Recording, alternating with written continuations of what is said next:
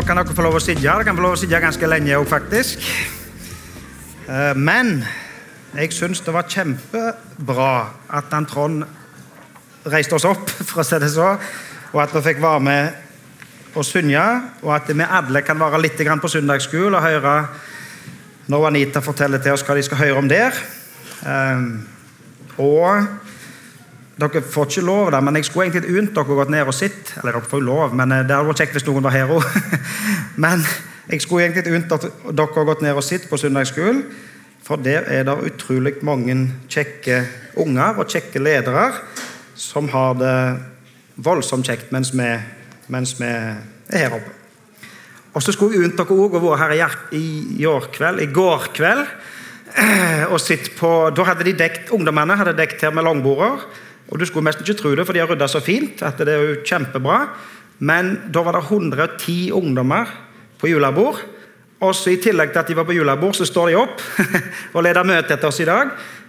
Ja, det, Jeg syns det er kjempe, kjempebra at vi, ja, at vi får lov å ha det så. da, At det er for de yngste, og for ungdommene, og for oss, og for ja, alle.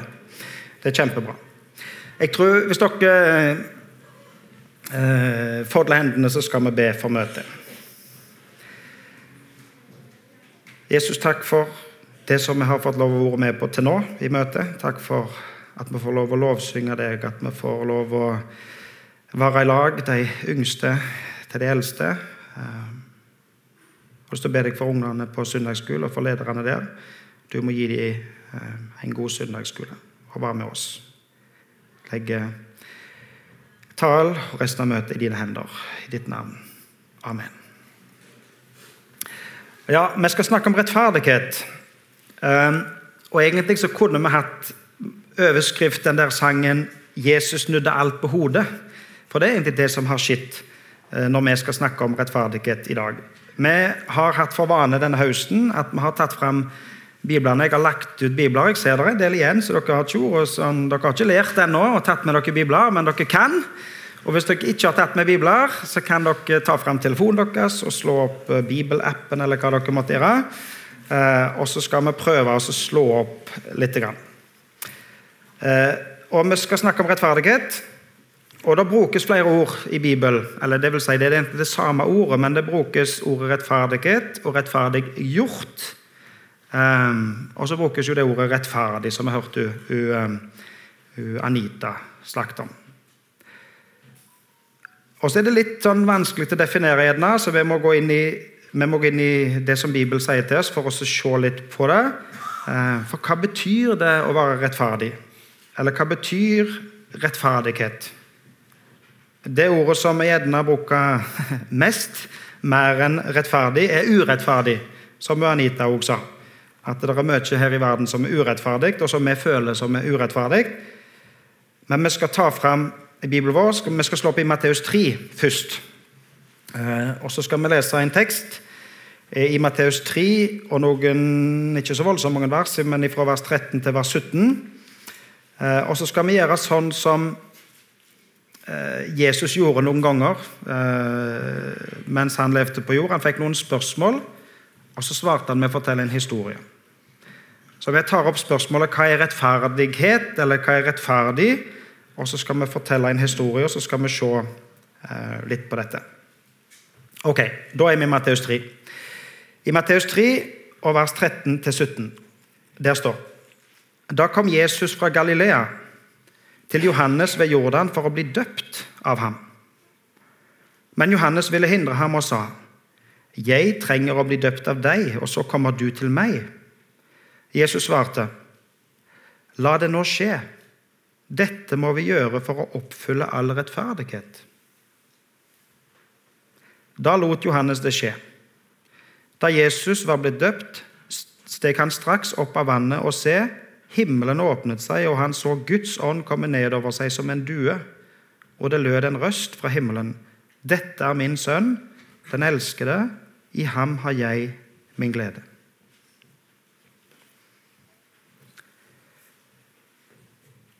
Jeg syns egentlig det er litt vanskelig å ta ordet rettferdighet og prøve å finne en definisjon. Og noen ganger jeg vet ikke om dere gjør det, men noen ganger når jeg skal prøve å finne ut ja, hva betyr dette ordet, eller sånt, så, så skriver jeg det inn på, på, Google, og så kommer det opp noen resultater. Og Det som er interessant med ordet rettferdighet, det er at det til og med disse store hva skal du si, eh, de plassene der vi går til for å finne svar, f.eks. Store norske leksikon, de skriver ja, nå skal du høre da, hva Store norske leksikon skriver om ordet rettferdighet. Det står Nøyaktig hvordan rettferdighet bør defineres, er svært omstridt. Så det er flere som syns det er vanskelig, det er ikke bare jeg. Og det finnes ulike tilnærminger til forståelsen av begrepet. Så det å definere rettferdighet det er svært omstridt, ifølge Store norske leksikon. Wikipedia de skriver rettferdighet er et begrep som står sentralt i all moral, rettsorden og religion, så vel som dagliglivet. Det finnes ikke noen allmenngyldig definisjon av begrepet. Og det finnes et mangfold av teorier og definisjoner om hva som er rettferdig. Så både Store norske leksikon og, Wikipedia eh, gir oss et inntrykk av at oi, dette ordet er eh, vanskelig å definere. Her er det mange teorier. Her er det mange definisjoner, ulike tilnærminger. Men hva betyr det i den sammenhengen vi leste her? Og For å se, eller for å forstå eh, hva det betyr i den sammenhengen vi leste her, så må vi faktisk se på helheten i Bibelen.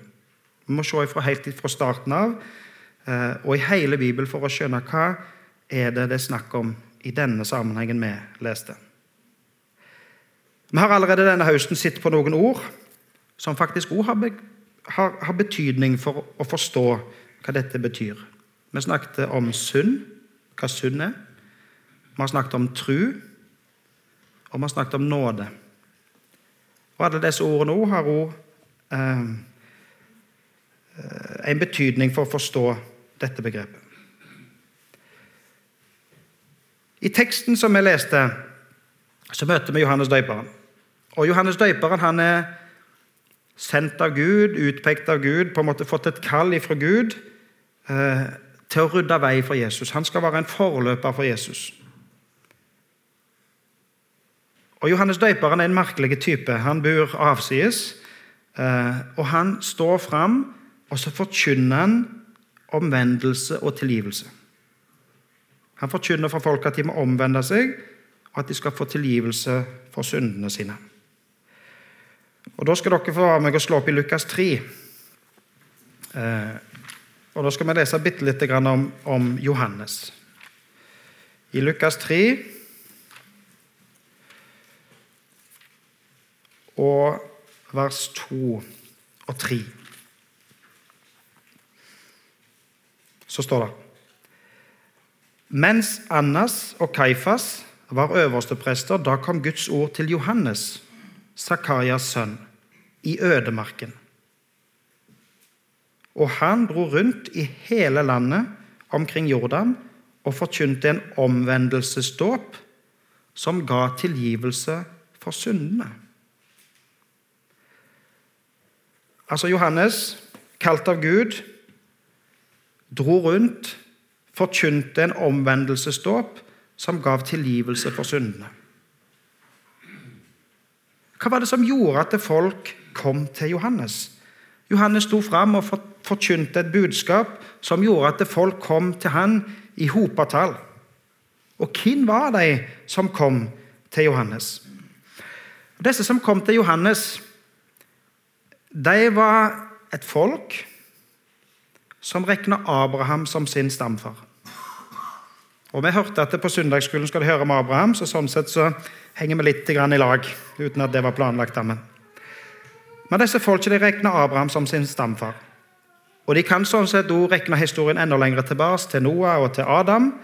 Eh, men Abraham ble utvalgt av Gud til å bli stamfar for det jødiske folk. Og Det er disse i Israel som nå i vår tekst kommer til Johannes, og som blir døpt av ham. Men for å bli stamfar, sånn som Abraham ble, så må du først bli far. Du, du ble ikke stamfar uten å bli far. Og Det var jo det som var problemet. At Abraham han hadde ingen unger. Og Vi kunne slått opp i første Mosebok, vi skal lese fra kapittel 22, men vi kunne lest mange kapitler i første Mosebok. For Det er en lang og interessant historie om Abraham og Sara eh, og løftet fra Gud, eh, og det at Abraham ble stamfar til israelsfolket. Men for å gjøre en lang historie voldsomt kort, så gir Gud Abraham en sønn. Abraham som venta lenge på å få en sønn, han får en sønn. Men så, i første Mosebok 22, så ber Gud Abraham om å gjøre noe helt utenkelig. Og I 1. Mosebok 22, vers 1, så står det Etter en tid etter at dette hadde hendt, satte Gud Abraham på prøve. Han sa til ham, 'Abraham', og han svarte, 'Ja, her er jeg'. Da sa han, 'Ta din sønn, den eneste, Isak, han som du elsker, og dra til landet Moria. Der skal du ofre ham som brennoffer på et av fjellene. Jeg skal fortelle deg hvilket. Det er jo helt absurd. Det er jo helt utenkelig. Hva er det Gud holder på med? Her har Abraham venta i årevis på å få en sønn, og han tenkte det ikke gikk an. Men så gjorde Gud det umulige at Abraham og Sara fikk en sønn, og så ber han nå Abraham å gjøre noe som er absurd. Og for oss så er det jo utrolig fremmed. Hva er det Abraham skal? Ofre sin sønn som brennoffer. Men for Abraham så er det faktisk ikke så fremmed. Abraham vet hva Gud snakker om. Abraham vet hva han nå skal gjøre. Og Hvis vi leser videre i 1. Mosebok 22, fra vers 6, så står det at Abraham tok offerveden og la den på Isak, sønnen sin. Selv tok han ilden og kniven i hånden, og, han gikk, og så gikk de sammen, de to. Da sa Isak til sin far Abraham, 'Du far?' Og han svarte, 'Ja, sønnen min.' Han sa, 'Se, her er ilden og veden, men hvor er brennofferlammet?' Abraham svarte, 'Gud vil selv se seg ut et brennofferlam, sønnen min.' Og så gikk de sammen, de to. Da de kom til det stedet Gud hadde sagt, bygde Abraham et alter der og la veden til rette. Så bandt han Isak, sønnen sin, og la ham på alteret oppå veden. Og Abraham rakte ut hånden og tok kniven for å slakte sønnen sin. Men Herrens engel ropte til ham fra himmelen og sa, 'Abraham, Abraham.' Og han svarte, 'Ja, her er jeg.' Han sa, 'Legg ikke hånd på gutten, og gjør ham ikke noe.' For nå vet jeg at du frykter Gud, siden du ikke har spart en eneste sønn for meg. Da Abraham så opp, fikk han øye på en vær som hang fast etter hornene i et kratt like bak ham. Abraham gikk bort, tok væren og ofret den som brennoffer i stedet for sønnen sin. Abraham visste hva Gud ba ham om å gjøre. Til og med Isak visste hva dette handler om. Isak sa Se, her er jo ved, og her er ild, og her er kniv. Vi har jo alt, pappa, sa Isak til Abraham. Men hvor er offerlammet? Hvor er lammet som skal ofres? Isak visste at nå var de på vei for å gjøre et offer. Men hvor er lammet? Hvor er det som skal ofres? Johannes 1, 29. Du trenger ikke slå opp, men du kan hvis du vil. Johannes 1, 29, kanskje det mest siterte og mest kjente sitatet av døperen Johannes. For når døperen Johannes står fram, og når han ser Jesus, så peker han på Jesus, og så sier han, 'Se der, Guds lam, som bærer bort verdens synd.'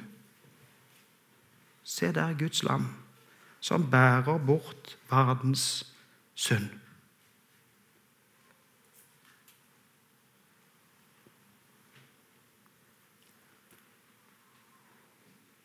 Abraham i lydighet gjorde klart Isak som et offer. Men engelen ropte på han i siste sekund og sier, 'Nei, Abraham. Det er et lam som skal ofres i stedet for Isak.' Og så tar Abraham lammet. og lammet blir et offer i stedet for Isak. Se der Guds lam, sa Johannes, som bærer bort verdens synd. Og de som kom til Johannes, de som kom ut til Johannes for å bli døpt av han, de kunne denne historien. Ja, det, var faktisk en ganske stor identitet eh, si, for dem å høre til, å være Abrahams barn. Og Dette med Abraham og Isak og at lammet måtte ofres i stedet for Isak, det kunne de. Og Når Johannes peker på Jesus og sier dere, dere er Guds lam, så forstår de hva han mener. Lammet ble ofra i stedet for Isak. En annen sentral del av israelsfolket sin historie handler om eh, utgangen av Egypt. Israelsfolket levde i Egypt i 400 år. Og så fører Gud de ut av landet Egypt og inn i løfteslandet Kanan. Og Det som er avgjørende for utgangen av Egypt, er det som skjer siste kvelden. Når israelsfolket feirer påske, eller har påske. Eh, det står i, i 2. Mosebok 12. Og I 2. Mosebok 12, om utgangen fra Egypt, fra vers 5, så står det at de skal ta et lam. Det står lammet må være et årskammelt værlam uten feil. Dere kan ta enten et lam eller et kje. Dere skal ta vare på det til den 14. dagen i denne måneden, og i skumringen skal hele forsamlingen av Israels menighet slakte det. Så skal dere ta noe av blodet og stryke det på de to dørstolpene og på bjelken over døren i huset hvor de spiser det. Og så hopper vi til vers 12. Denne natten, sier Gud, denne natten skal jeg gå gjennom Egypt og slå i hjel alle førstefødte i landet, både mennesker og dyr. Og jeg skal holde dom over alle gudene i Egypt. Jeg er Herren. Men blodet skal være det merket som viser hvilket hus dere er i. Og når jeg ser blodet, vil jeg gå forbi. Ingen ødeleggende plage skal ramme dere når jeg slår Egypt. Merkelig historie. Ta et lam, slakte det, smør blodet på dørstolpene, og så skal blodet være et tegn, og de som er bak blodet, de skal gå fri. Utrolig merkelig historie for oss som lever i Norge i 2023. Men denne påskefeiringen den har blitt feira i Israel hvert år siden den gang. Et lam dør i stedet for den eldste sønnen. Og hver påske blir det ofra et lam, ett for hver familie. Mange lam. Og blodet smøres på dørstolpene til minne om det som skjedde i Egypt. Og de folket som kom til Johannes for å bli døpt av han, de kjente denne historien. De, de gjentok denne historien hvert år. De feira denne historien hvert år. Og de visste hva det ville si at de som satt bak blodet, de gikk fri. Og Så ble israelsfolket ført ut i ørkenen. Og i ørkenen så lever de eh, hva si, under Guds beskyttelse. I ørkenen får de de ti bud. I ørkenen gir Gud de eh, lover og regler som de, som de eh, ja, som de skal forholde seg til, og som de skal leve etter. Og Så lover folket i ørkenen dyrt og hellig at de skal leve etter disse reglene. I 2. Mosebok 24 eh, så står det fra vers 3 så står det at Moses kom og kunngjorde alle Herrens ord og forskrifter for dem. Da svarte de samstemmig alt Herren har sagt, vil vi gjøre. Så skrev Moses ned alle ordene fra Herren. Så folkene lovte dyrt og hellig at ja, dette skal vi holde. Vi skal leve etter denne loven. Og Så står det faktisk videre at det, Neste morgen så sto Moses tidlig opp og bygde et alter ved foten av fjellet og reiste tolv steinstøtter for Israels tolv stammer. Han sendte ut noen unge israelitter for å bære fram brennoffer og slakte okser som fredsoffer for Herren. Moses tok halvparten av blodet og helte det i skåler. Den andre halvparten stenket han på alteret.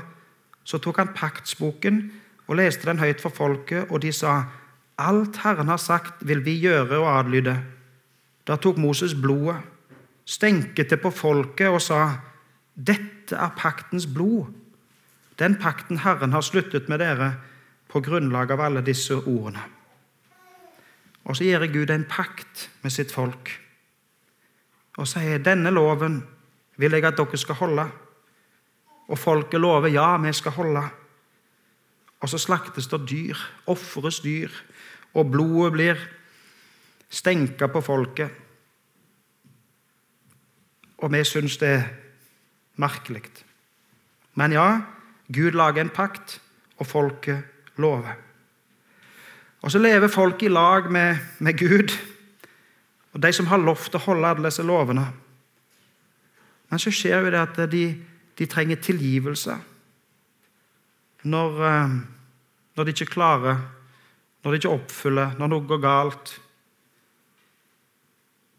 Og så lager Gud masse ordninger, forskjellige ordninger um, for, for, forskjellige offer. Sånn at folket skal få tilgivelse for syndene sine. Vi kan bl.a. lese nå blir det mye lesing, men mye, vi kan lese fra 3. Mosebok 16. Og I 3. Mosebok 16 står det om den store forsoningsdagen. Det er mange forskjellige typer offer. Og det ofres i tabernaklet og i, i tempelet. Eh, men kanskje det viktigste, hvis du kan kalle noe viktigere er det offeret som skjer på den store forsoningsdagen. Og Der står det i 3. Mosebok 16, vers 20. Når Aron har fullført soningen for det hellige stedet og telthelligdommen og alteret altså Det er ganske mange ting som har skjedd før dette. Mange offer, faktisk. Men så står det da skal han føre fram den levende bukken. Legge begge hendene på hodet til bukken og bekjenne over den hele israelittenes synd, skyld, alle lovbruddene og syndene deres. Han skal legge dem på hodet til bukken. Så skal han la en mann som står ferdig, sende den ut i ørkenen.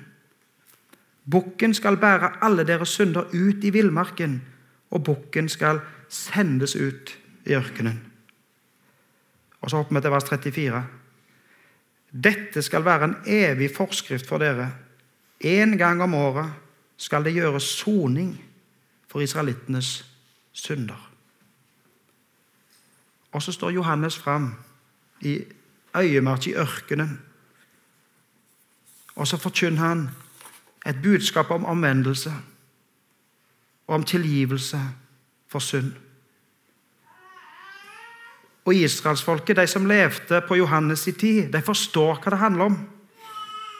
De, vært, de, de var oppdratt i denne tradisjonen og hadde hørt alle disse historiene om offer, om blod, om, være, om at noe må ofres i stedet for, om tilgivelse.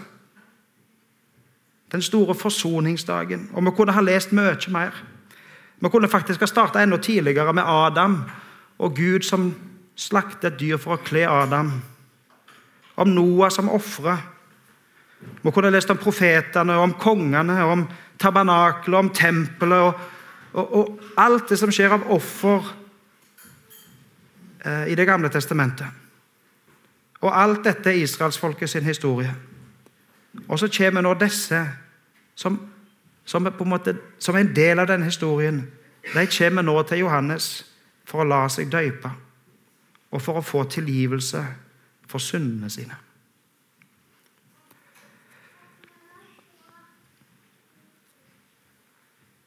Det er spesielt to bøker i Det nye testamentet som forklarer dette begrepet om rettferdighet ganske inngående. Og Den ene boka er Hebreabrevet. Og I Hebreabrevet så står det masse om offer. Og Hvis vi f.eks. slår opp i Hebreabrevet 9, um, så står der Så ser jeg tilbake på den historien om, om Moses uh, og de ti bud og det som skjedde rundt det. Og I Hebrevet 9 og vers 19 så står det da Moses hadde kunngjort for hele folket alle budene som står i loven, tok han blodet av kalvene og bukkene sammen med vann, skarlagens rød ull og isopp, og stenket både på bokrullen og på hele folket, og sa:" Dette er paktens blod. Denne pakten har Gud fastsatt for dere. På samme måte stenket han blod på teltet og på alle kar som ble brukt under gudstjenesten. Og etter loven blir jo nesten alt renset med blod. Og uten at blod blir utøst, er det ingen som får tilgivelse. Uten at blod blir utøst, er det ingen som får tilgivelse. Det var poenget. Det var det som skjedde i Det gamle testamentet. Alle offer, alt som blir ofra, alt blod som blir utøst, gir tilgivelse for synd. Og uten at blod blir utøst, er det ingen som får tilgivelse. Og Hvis vi skal ta fram et eksempel fra Romerbrevet, så står det i Romerbrevet 4 Hvis du vil lese om dette begrepet rettferdighet i Romerbrevet, så du kan lese hele Romerbrevet, men kapittel 3 og kapittel 4 Så skal vi bare lese to vers fra kapittel 4. Romerbrevet 4 står det Den som har gjerninger å vise til, får lønn etter fortjeneste, ikke av nåde. Men den som ikke har det, men som tror på ham som rettferdiggjør den ugudelige, blir regnet som rettferdig fordi han tror. Blir regnet som rettferdig fordi han tror. Og i denne sammenhengen, med denne historien, med alt det som har skjedd ifra skapelsen og gjennom hele Det gamle testamentet, alle offer I denne sammenhengen så kommer Jesus til Johannes, og Johannes nekta. Nei, nei, nei, Jesus, du kan ikke bli døpt av meg, jeg må bli døpt av deg. Johannes regna jo Jesus for å være større enn seg sjøl. Og Jesus som var feilfri, som var syndfri, det var jo han som burde døypa Johannes, sånn at Johannes kunne få tilgivelse for syndene. Men når Johannes nekter, så sier Jesus vi må gjøre dette. Vi må gjøre dette for å oppfylle all rettferdighet, sier Jesus. Dette må vi gjøre for å oppfylle all rettferdighet. Og så går Johannes med på å la Jesus bli døpt.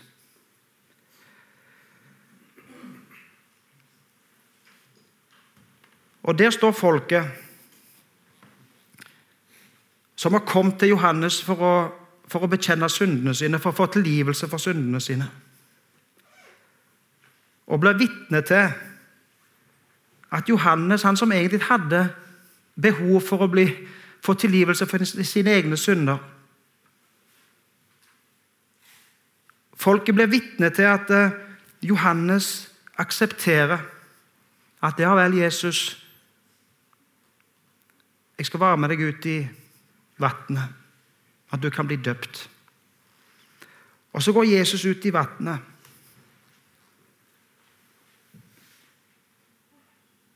Og bekjenne all verdens synd.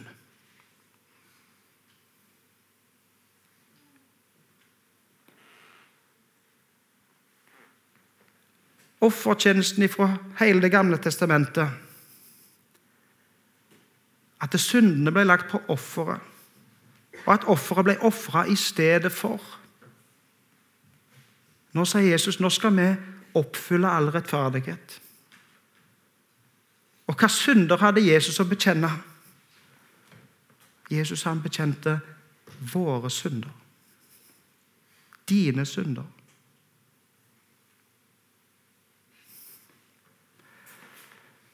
Og det offeret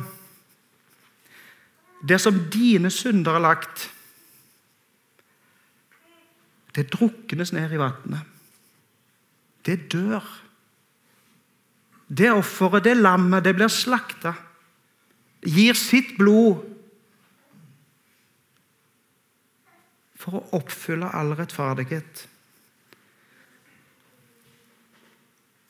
Og så står Jesus opp ifra vannet. Så blir offeret levende igjen. Ingen offer i Det gamle testamentet har blitt levende igjen. Men det fullkomne offer, som ofres én gang for alle. Det som ikke trenger å gjentas og gjentas og gjentas hvert år. Det offeret, det lammet, det seira over døden og et fullkomment offer for alle verdens synder. Og han som seirer over døden, han lever i dag. Og gir oss tilgivelse. Hans fullkomne offer, hans blod, det gir oss tilgivelse for alle våre synder. Og han lever i dag. Og gir oss et evig håp.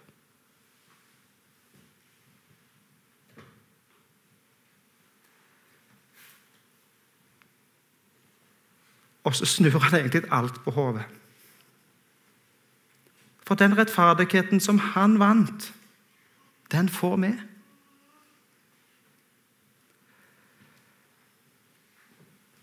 Jeg tror Hvis jeg skulle definert ordet rettferdighet, eller ikke ordet rettferdighet, men hva som ligger i dette med å få rettferdighet ifra Gud Hvis jeg skulle tatt fram ett vers Det er mange vers.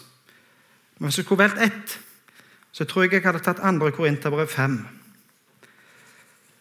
Og Hvis vi skal ha et minnevers ifra i dag, så er det 2. Korinterbrev 5, 21. Og I 2. Korinterbrev 5, 21 så står det hva Jesus gjorde når han ofra seg sjøl, når han ble et offer for oss.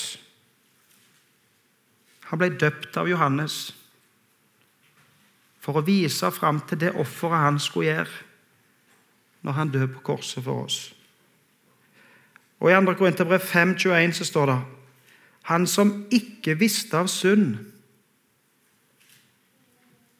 har han gjort til synd for oss, for at vi i ham skulle få Guds rettferdighet. Jesus, han som ikke visste av synd, har blitt gjort til synd for oss, for at vi i ham skulle få Guds rettferdighet. Og så snur Jesus alt på hodet. Og så får vi denne rettferdigheten. Ikke av vår fortjeneste, men vi får den av bare nåde ved tro så får vi Guds rettferdighet. Og så får vi Sånn som Jesus sier når han blir døpt av Johannes, så blir all rettferdighet oppfylt. Og så blir vi rettferdige for Gud. Og så får vi av Jesus, av bare nåde, så får vi denne rettferdigheten. Skal vi be.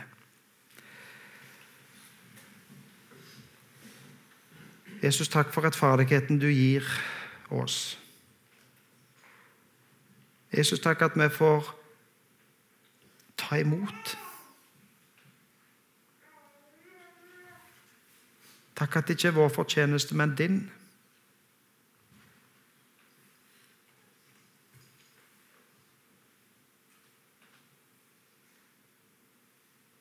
Jesus, hjelp oss å tro. Hjelp oss å stole på. Gi oss visshet om at din rettferdighet, den gjelder for oss. Jeg ber meg om i ditt navn. Amen.